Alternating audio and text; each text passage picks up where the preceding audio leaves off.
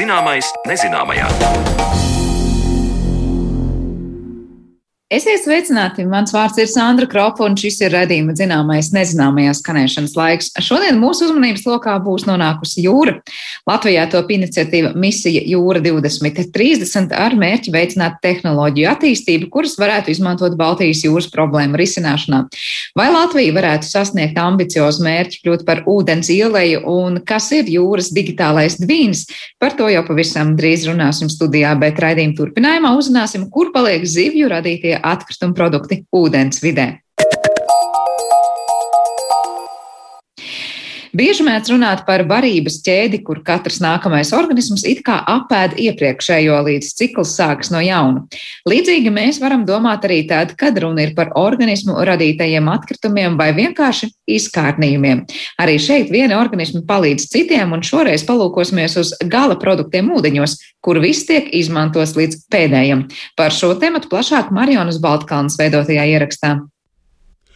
Vispārīgi izsakoties, dabā visi organismi izdala atkritumvielas. Dzīvnieki nokārtojas visur - gaisa telpā, pazemē, uz sauszemes, ūdenī. Bet, ja salīdzinām sauszemi ar ūdeņiem, piemēram, jūrām vai okeāniem, tad izrādās, ka izaicinājums tikt galā ar pašu radītiem izkārnījumiem daudz lielāks ir uz sauszemes.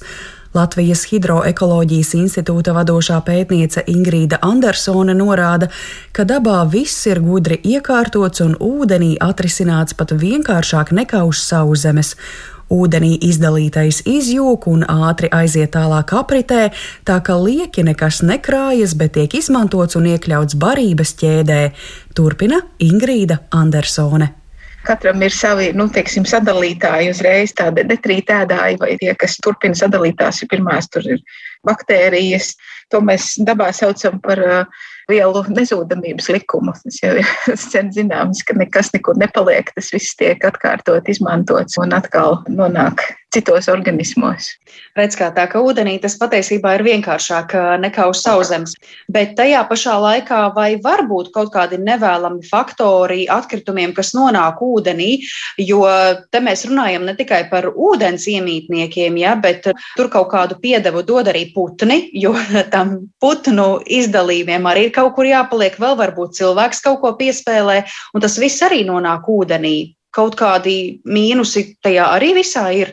Nu, mums kādreiz ar burātājiem bija tādas sarunas par to, kā viņi savāca savus notekūdeņus. Un, protams, ka viņi neko nesavāca, jo tas burlaivs nekā nav. Tad mēs spriedām par to, ka viņiem vajadzētu būt ar to mazu ekoloģisko pēdu, ko, ja viņi ēstu reņģis un piedzert jūras ūdeni, tad viņiem būtu visas tiesības to ūdeni izlaist turpatās jūrā un tur nekāds piesārņojums nerastos.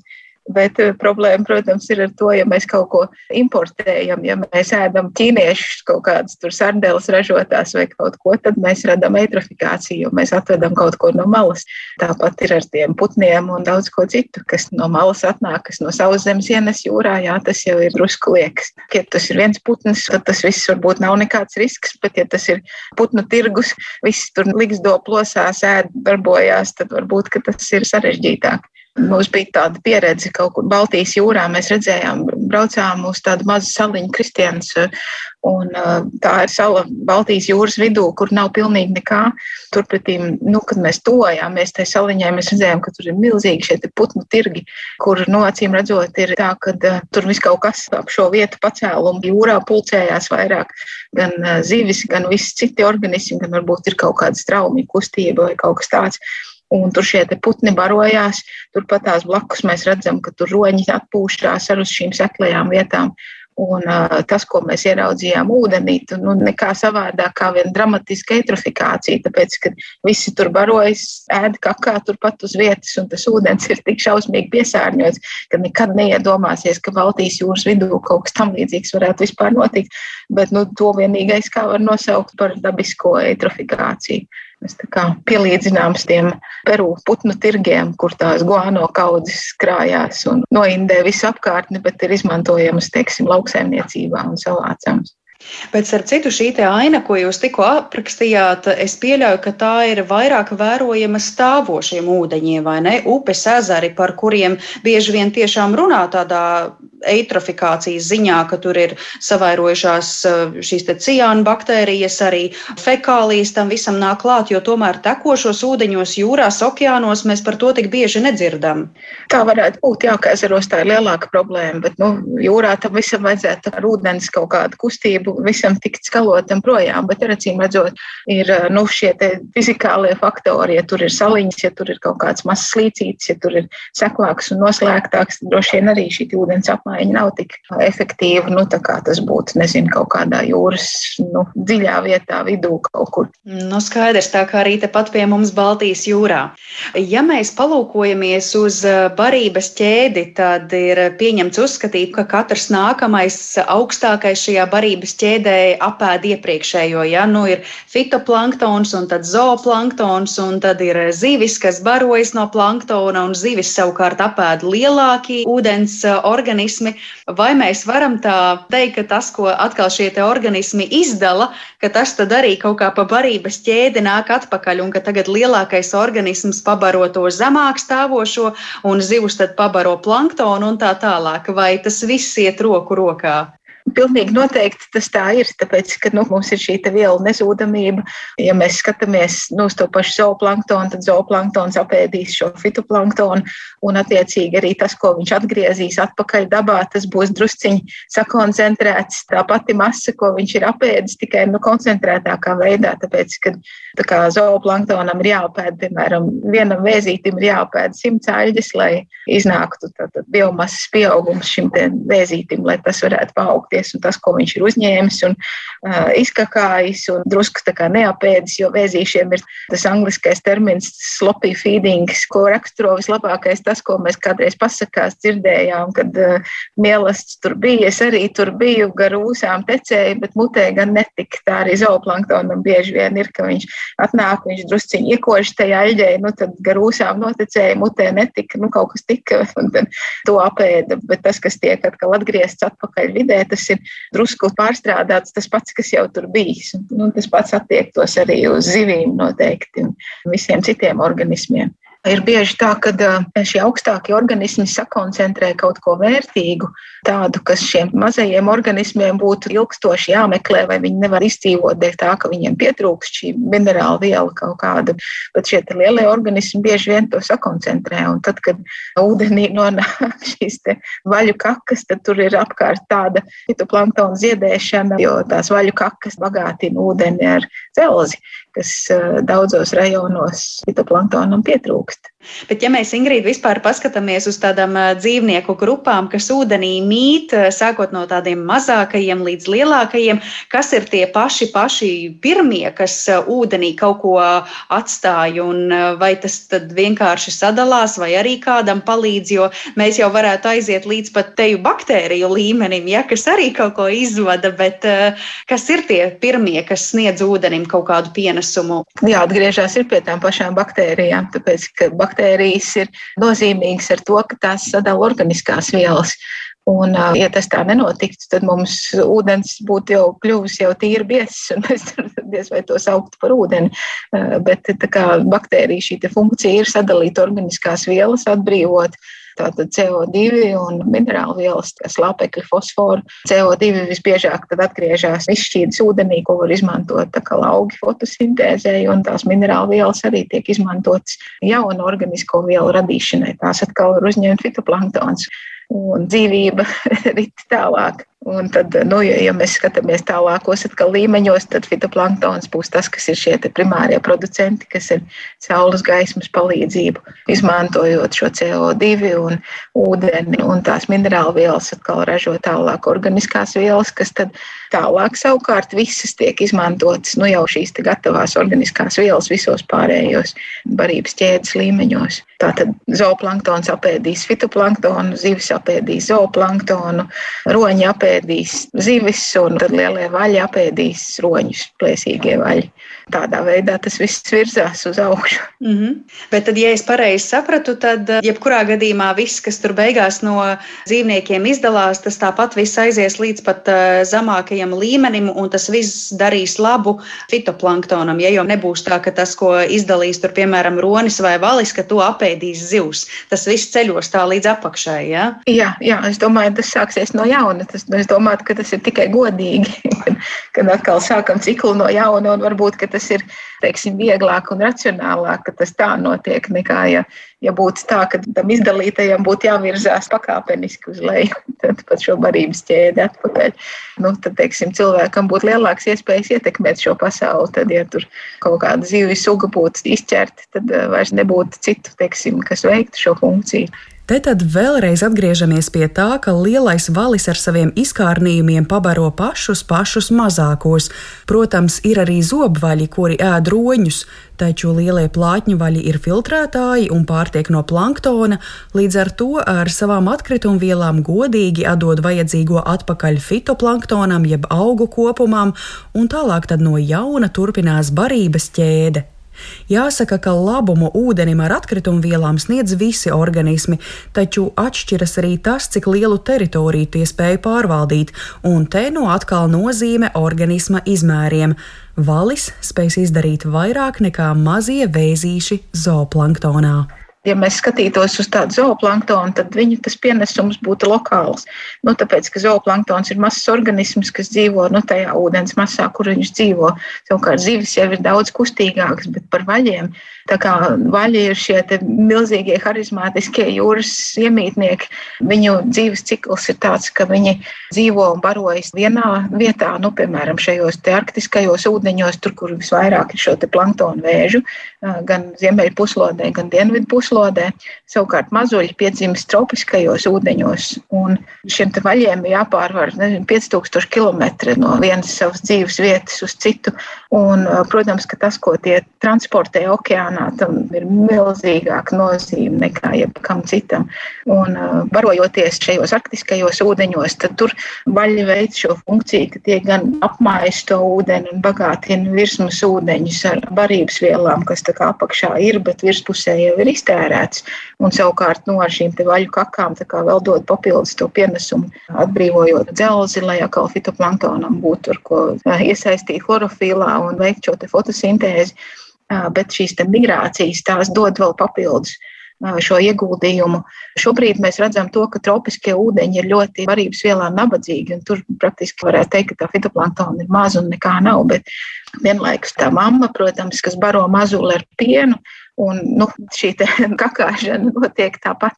Un tas dzelzs un tās barības vielas, kas tiek izdalītas šajos tropiskajos ūdeņos, tās bija tās, kas baroja šo tropu ūdeņu ekosistēmu. Un tā kā to vaļu, nu, teiksim, tajos senajos laikos bija nu, nesalīdzinām vairāk kā šobrīd, kā lai saka, ekosistēmas inženierijas fenomens tam bija milzīga nozīme.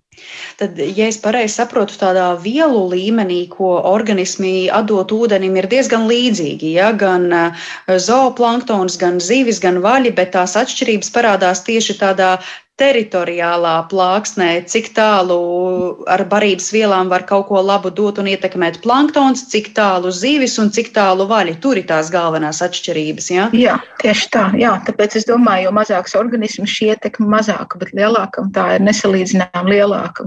Nu, tā, tāpat es domāju, tas jau parādās tajā piemērā, ko es sākumā stāstīju par tiem roņiem Baltijas jūrā, kad īstenībā nu, tas lielais dzīvnieks dod tādu pienesumu nozīmīgāku tai vietai nekā šie mazie planktona vēži vai zivtiņas, kas vienkārši turpat dzīvo. Un skaidrs, ka šiem lielajiem plēsējiem un, un šiem lielajiem dzīvniekiem uz zemeslodes ir milzīga nozīme. Tos mēs pamazām zaudējam, tāpēc, ka tā tad ir šī zvejniecība, ir cilvēku materiālās intereses, un pamazām mēs zaudējam to ekosistēmu. Mums jāsargā vaļa vienkārši. Es vienmēr to stāstu visiem. Jūrai nav problēma, ir tikai cilvēku radītās problēmas.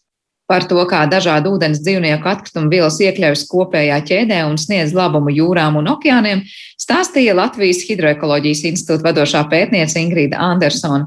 Ar viņu attālināti tikās mana kolēģa Mariona Baltkalna, bet raidījuma turpinājumā pievēršamies kādai ļoti interesantai un ambiciozai iniciatīvai, proti, kā izveidot jūras digitālo dvīni.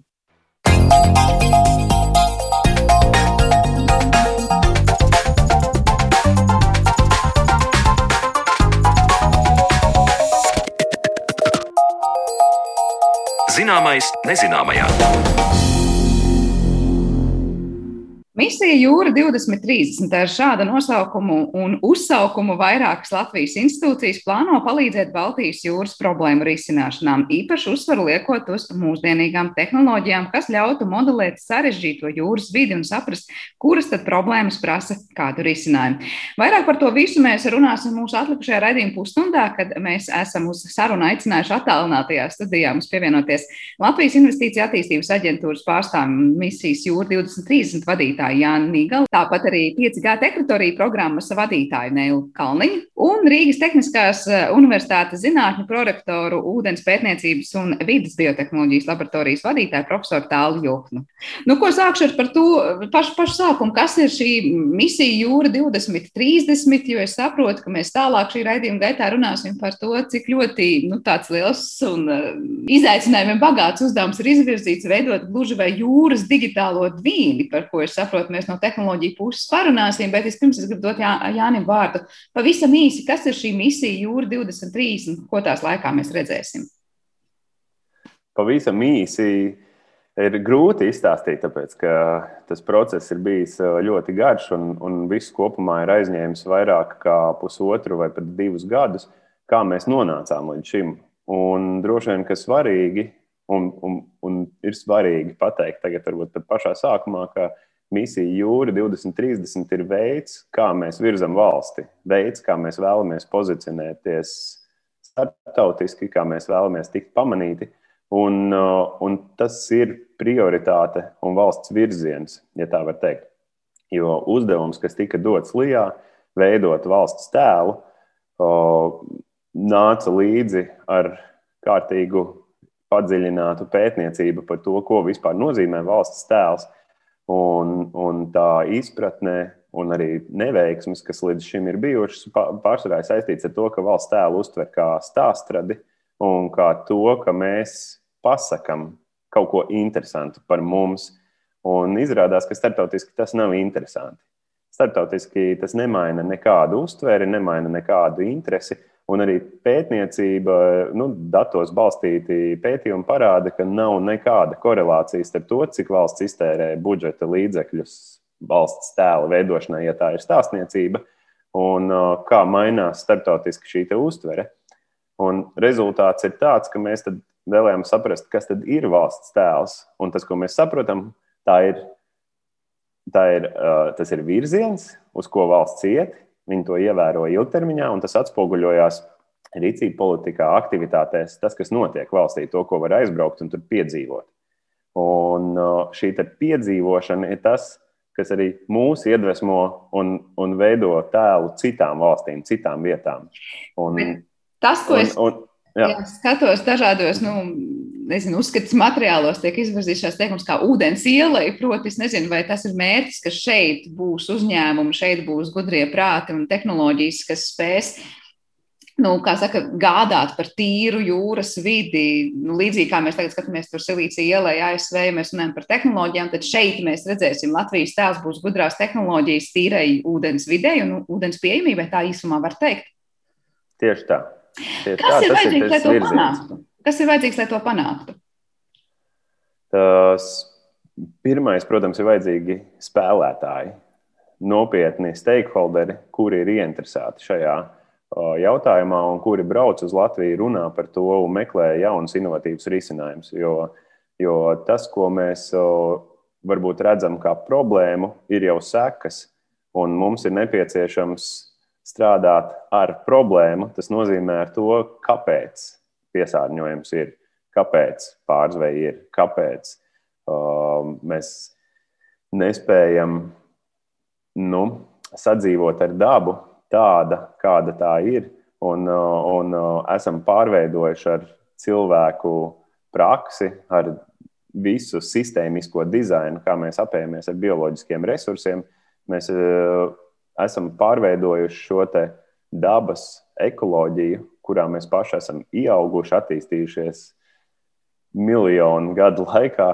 Un, uh, un, jā, nu, pasaule ir kļuvusi antropocēna. Cilvēks spēja ietekmēt ļoti daudz. Mūsu uzdevums ir kā radīt tādus inovatīvus risinājumus, kur šī antropocēnā ietekme ir labvēlīga. Un tas nozīmē, ka šīs ūdens ielas mērķis ir radīt risinājumus, kas ir labvēlīgi un ne tikai nekaitējoši, bet arī ar pluszīmi dabai. Man tad jautājums abiem pārējiem kungiem sākšu ar tāli. Nu, pirmā doma man nāk prātā par droši vien gudrām ūdens attīrīšanas iekārtām vai sistēmām. Saprotu, ka Baltijas jūrā mums joprojām ir liela problēma ar to, kāda notekūdeņa tajā nonāk, un, un dažādas valstis ir tās krastā. Vai akcentu liksim tikai uz notekūdeņiem un to attīrīšanu, vai no tehnoloģiju puses šeit būtu pilnīgi citi akcenti saskatām? Es domāju, ka te ir uh, vajadzīgs uh, komplekss risinājums, jo problēma ir uh, saistība Baltijas jūru. Ne tik varbūt vienkārši, ka mēs varam pateikt, lūk, ir viena tehnoloģija, ko mēs izdomājām, un tas viss atrisinās. Tas ir saistīts ne tikai ar tehnoloģiju. Es domāju, ka tas jau ir tā galvenā ideja Nu, kā jau zināms, šīs tehnoloģijas daudzas jau ir pieejamas, un arī mēs esam daudzus gadus pētījuši un izstrādājuši dažādas prototipus, kā piemēram var attīrīt teiksim, to pašu fosforu, izmantojot aļģes no notekūdens, kā samazināt piesārņojumu, kas rodās no industriāliem notekūdeņiem, kā samazināt enerģijas patēriņu notekūdens attīrīšanas stacijās un daudz citi. Bet kā es uztveru šo misija ir tas, ka parasti e, šie e, risinājumi viņi netiek e, vērsti tādas vienas praktiskas problēmas, kas ir ļoti sarežģīta novēršanā. Un Baltijas jūra kā tāda, tas jau ir no 80 gadiem Helkom un citas organizācijas to ir nodarbojušās. Sandra pat ļoti labi zina, jo viņa arī ir ar zaļām tehnoloģijām strādājusi. Jā kad eh, nu, tas risinājums nav. Tā Baltijas jūras kvalitāte eh, tomēr samazinās, un tas ir saistīts vēlreiz ne tikai ar tehnoloģiskiem risinājumiem, bet veidiem, kā mēs koordinējam eh, valstis, kas ir ap Baltijas jūru, un šeit ir ļoti svarīgi dati. Ja, tieši kā mēs iegūstam datus, kā mēs varam šos datus pareizi izmantot, Un tāpēc, domāju, ir e, šī digitālā dviņa e, ideja ļoti piemērota.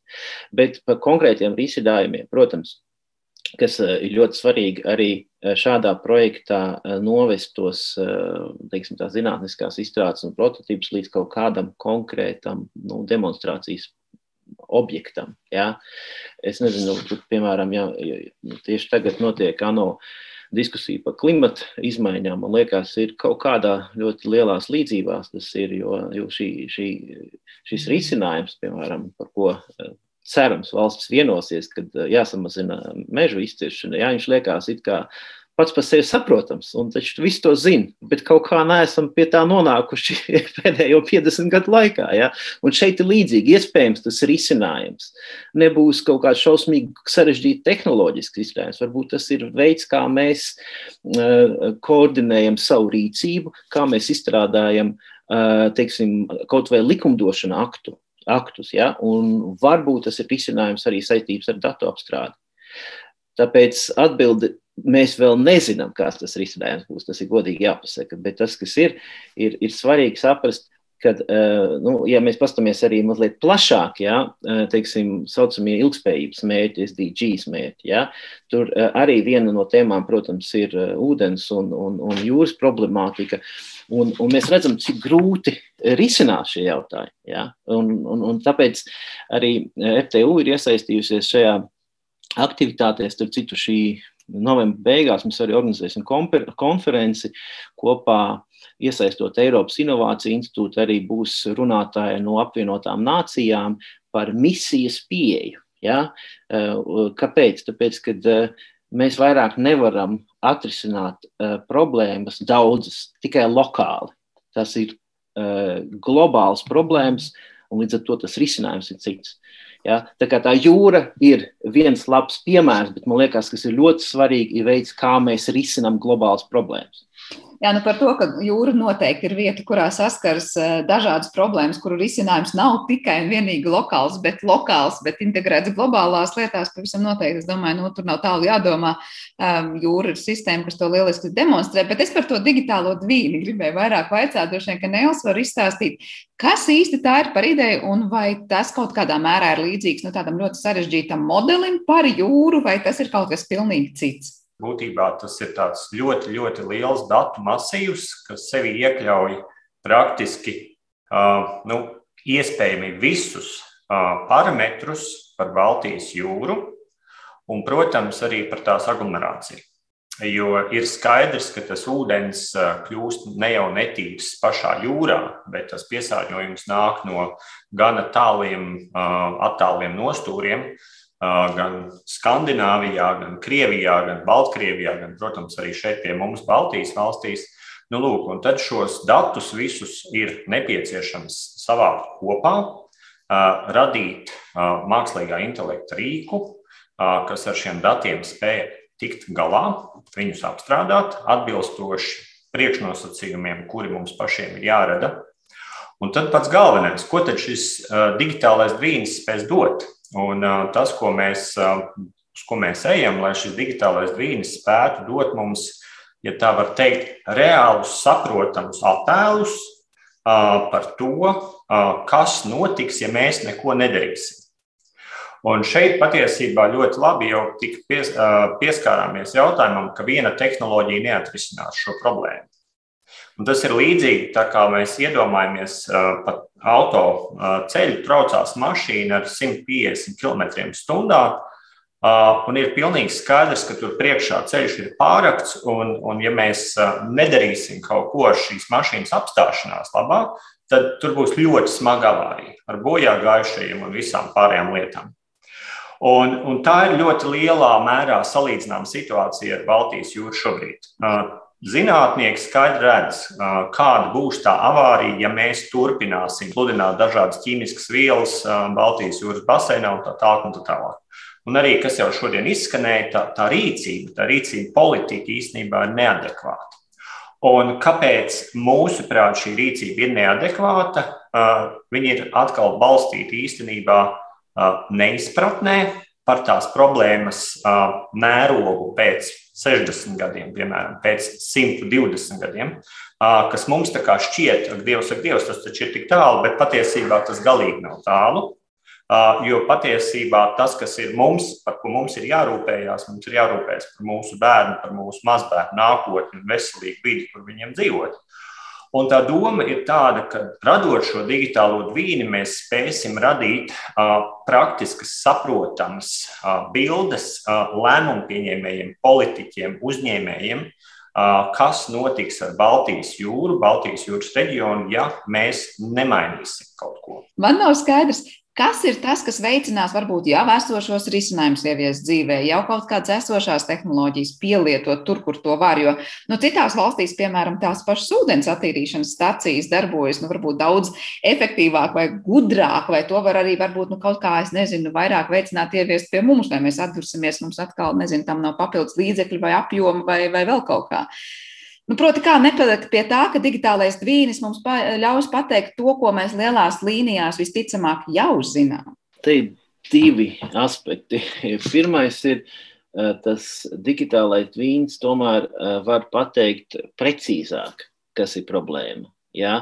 Jo bieži vien uh, liekas, uh, nu, tas ir acīm redzami, bet ehm, ehm, ne, nu, tādā sarežģītā sistēmā eh, iespējams, ka eh, mums nevar būt, varbūt mums nevajag samazināt fosforu tik pa, pa 1 mg, bet pa 0,5 mg. Piemēram, ja? um, otrs ir, kad mēs redzēsim to ilgtermiņa efektu uz uh, tautsēmniecību. Ja? Jo nu, uh, mēs varam aizliegt kaut kādas lietas, bet uh, tajā pašā laikā tādā veidā nobremzēt, piemēram, kaut kādu lauksaimniecības attīstību. Bet par to, um, par tiem risinājumiem konkrētiem, es domāju, ka šī projekta viens no uzdevumiem ir, ir attīstīt tomēr inovatīvu ražošanu. Ja? Tad, tad tehnoloģiju, paaugstināt tehnoloģiju gatavību līmeni. Un, ja mēs radām kaut kādu ļoti skaidru mērķi, sakot, ka šīs lietas, ja es tā vienkāršot, būs vajadzīgas un viņas pirks, ja, tad arī var mobilizēt biznesu, lai viņš strādā uh, tai virzienā, kas, ir, uh, kas būs pieprasīts. Tas savā ziņā mēs radām pieprasījumu. Ja?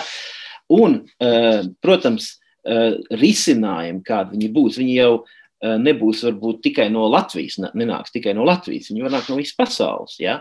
Bet mēs radām konkrētu pieprasījumu, kā rezultātā attīsta biznesu. Ja? Tāpēc es domāju, ka uh, tas, uh, tas uh, nu, nav tāds īstermiņa projekts, tas ir ilgtermiņa projekts. Līdzīgi, es nezinu, tur kaut kādas piemēra krīzēm, mēs tagad ejam cauri krīzē. Ja? Tas nav varbūt ļoti uh, ētisks piemērs, ja salīdzināt viņu, ja, bet tomēr uh, viņš ir radījis eh, noteikti biznesa attīstību, piekritīsiet, ja, tātad biomedicīnā. Ja, uh, un, un šeit līdzīgi, uh, bet tikai mēs neesam apzinājušies šīs, šīs problēmas uh, lielumu. Uh, man liekas, arī uh, Covid uh, piemēru labi var izmantot, ja mēs paskatāmies, kā mēs izmantojam uh, resursus. Ja, tad, nu, pat cik samazinājās mobilitāte, samazinājās arī piesārņojums, pilsētās atgriezās dzīvnieki. Ja? Un vēlreiz tāda situācija, tas viss notika principā pāris mēnešu laikā. Ja? Tāpēc ir, eh, lai, lai varētu mobilizēt biznesu, ir svarīgi apzināties, ka šī problēma ir reāla, ka viņai būs pasūtītājs eh, teiksim, un būs pieprasījums uz tām tehnoloģijām. Ja? Tas ir, ja to neizdarīs, tad, protams, atšķirība nebūs nekāda ar, ar salīdzinoši citām valstīm. Jā, ir piebilde? Um, jā, ja varētu papildināt, tāls ļoti precīzi jau pateica, gan šobrīd, gan arī vēl pirms tam par, tieši par misijas pieeju.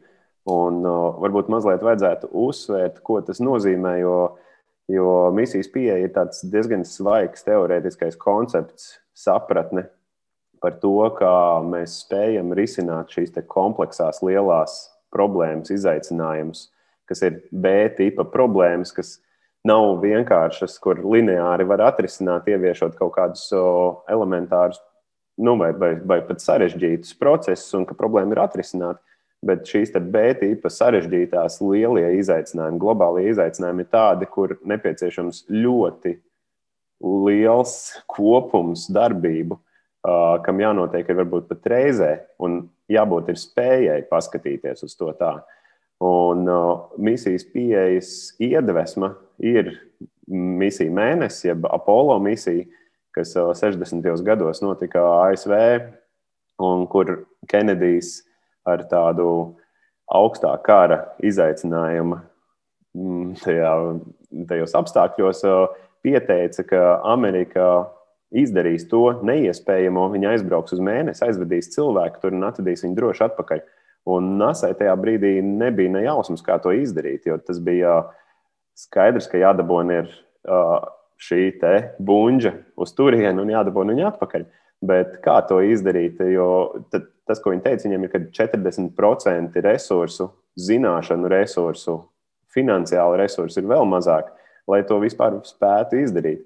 Un viņi norganizēja jau pirms tam bija, bija labas iestrādes ar eksperimentiem, kā organizācijas strādā.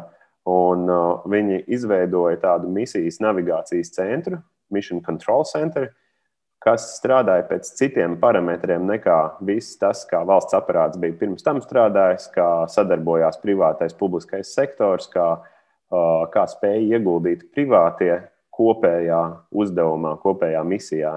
Un, uh, un daudzi zaudēja, daudz ieguva, bet pa ceļam radās ārkārtīgi daudz inovācijas, kuras mēs lietojam vēl šodien. Tādas vienkāršas uh, lietas kā teflons vai uh, kā vispār programmatūra. Pirmo reizi tāda lieta kā softvērs tika salikts kopā, saprotot, ka vajag skaitļošanas um, nu, kopumu, lai varētu izskaidrot konkrētas lietas attālināta komunikācija, tas, ko mēs tagad izmantojam, lai varētu ierakstīt šo interviju, ir ārkārtīgi daudzas lietas, kuras tika izdomātas un pēc tam komercializētas šajā te kompleksās sadarbības procesā. Un tas pats arī mums jāpanāk ir šeit. Un, ja mēs runājam par ūdens ielai un kā to panākt, tad tas ir radīt.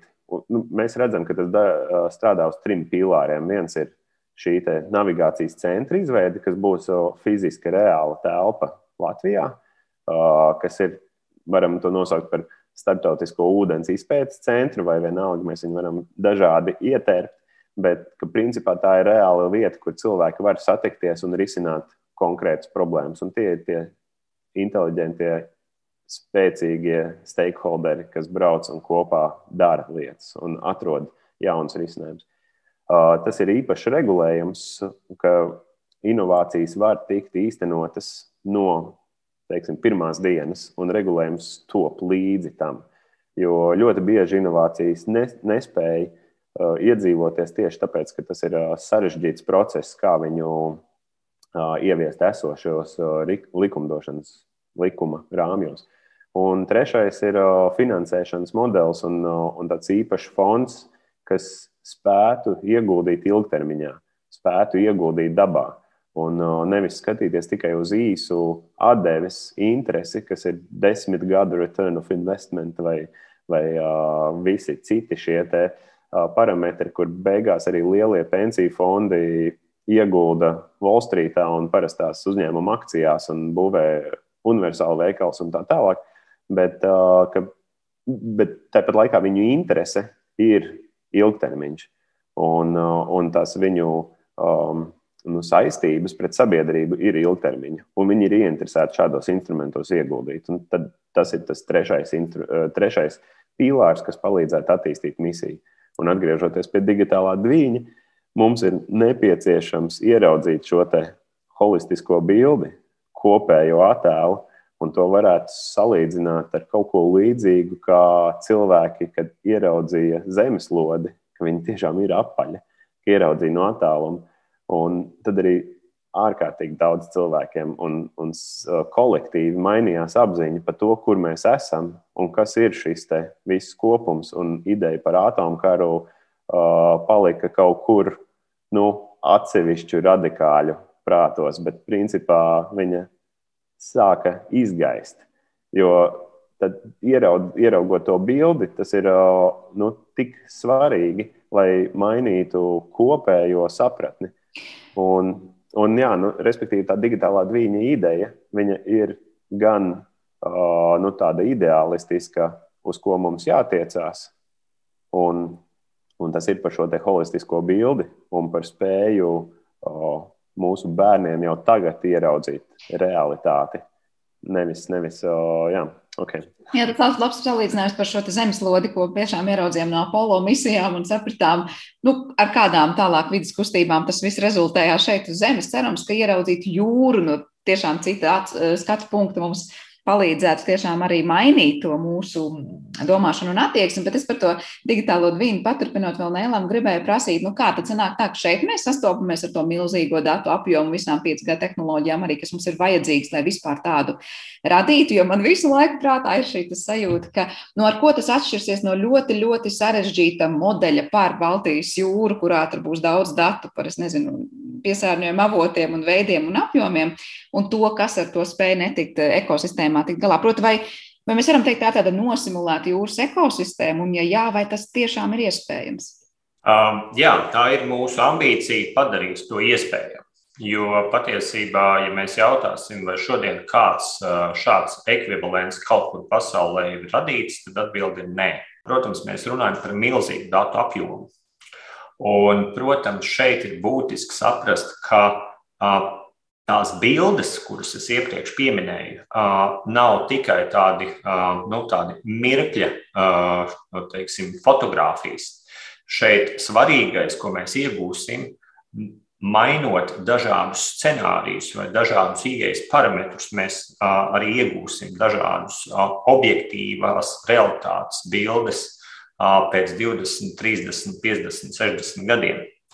Un līdz ar to šis digitālais dvīnis būs dinamisks. Un tas, kas ir atkal atgriežoties pie tā, ka tas stāsts nav par tehnoloģijām, bet par saprāšanu, tad mēs patiesi ceram, ka šis te būs iemesls, kāpēc politiķi, kas šobrīd domā četru gadu griezumā, un, un tikai retais, kurš domā ilgākā termiņā, spēs saprast to, ka viņa šodienas lēmumi ir daudz, daudz nozīmīgāki nekā viņam šķiet. Un tas ir arī veids, kā es ceru, vēlētājs sāks skatīties uz saviem politiķiem. Un šeit es nerunāju tikai par Latvijas politisko vidi, bet tiešām globāli, ka viņš saprot, ka tie cilvēki, kas šodien pieņem lēmumu par Nord Stream 2 vai par kādu citu, teiksim, tādu vai šādu projektu, cik nozīmīgi ir šie lēmumi un kāda būs tā nākotnes ietekme. Jo šodien, diemžēl, milzuma liels lēmumu kopums tiek pieņemts nevis datos balstītos lēmumos, bet viņš tiek pieņemts emocionāli. Mums ir labējie un kreisie, centristi un liberāļi un konservatori un vēl kādi vēl ne tikai cilvēki, kuriem ir savas iztēles par pasauli. Bet šīs iztēles ļoti reti, kad ir saistītas ar uh, reāliem datiem. Tas, ko mēs radīsim ar digitālo dvīnu, lai mēs pārstātu dzīvot uh, apstākļos, Covid nav, bet mēs sāktu dzīvot apstākļos, kuros mēs patiešām apzināmies reāli, kas notiks nākotnē.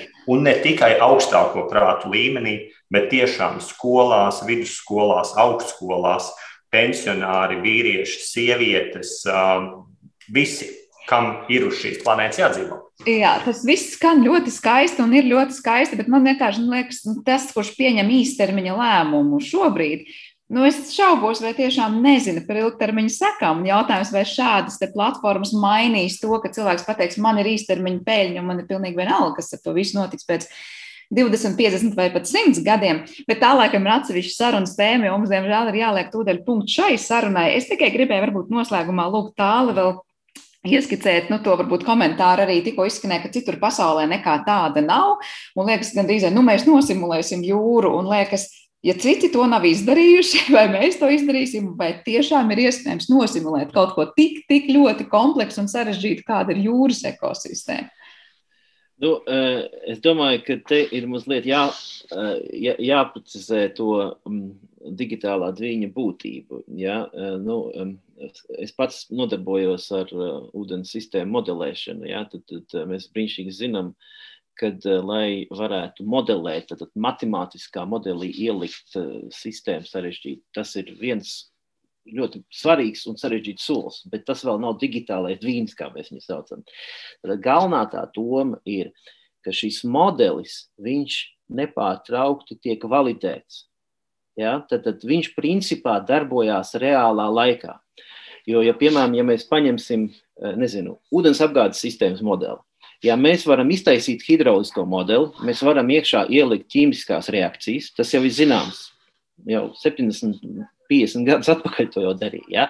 Bet mēs skatāmies uz to kā uz tādu computeru spēli, jo tie dati netiek validēti pat reāliem mērījumiem. Tā ir tā galvenā atšķirība teiksim, modelim no tas, ko mēs moderni saucam par, par digitālo dvīnu. Tagad, ja? uh, Un jā, pasaulē ir, ir eh, ļoti eh, attīstīts virziens okeānu eh, digitālajie dviņi, tieši kad runā par mikropiesārņojumu nonākšanu. Jā, tad, tad tur ir daudz pētījumu veikts un ir, ir arī okeāna tāds dvīnis izveidots, bet viņi katram dvīnim tomēr ir sava specifika, uz ko viņš orientējās. Ja, tu nevari par visiem procesiem, tu nevari pilnībā realitāti kā, imitēt, ja, jo tas var būt ķīmisks, bakterioloģisks, tas var būt uh, transports, tas var būt uh, cilvēku kustība no jūrā. Ja, tad, tur ļoti daudzi uh, faktori, kurus var atsevišķi modelēt. Un līdz ar to ir svarīgi sākt ar,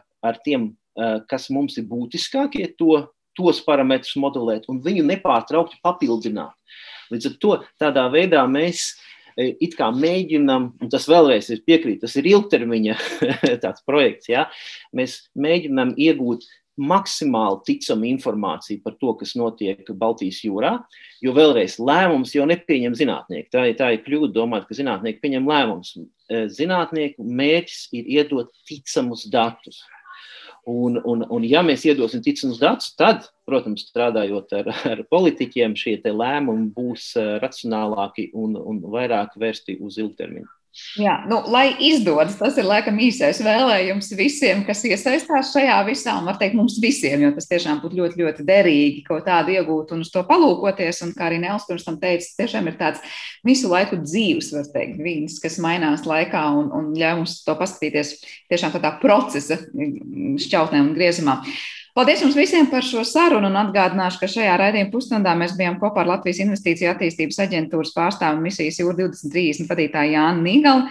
5G teritoriju programmas vadītāju Nēlu Kalniņu, kā arī Rīgas Tehniskās Universitātes zinātņu prorektoru un ūdens pētniecības un vidas biotehnoloģijas laboratorijas vadītāju profesoru Tālu Juknu. Ar to arī raidījums ir izskanējis un paldies par to producentei Paulai Gulbinskai par mūziku šai stundai rūpējās Girds Bišs, bet ar jums kopā biju es Sandra Kropa. Uz tikšanos!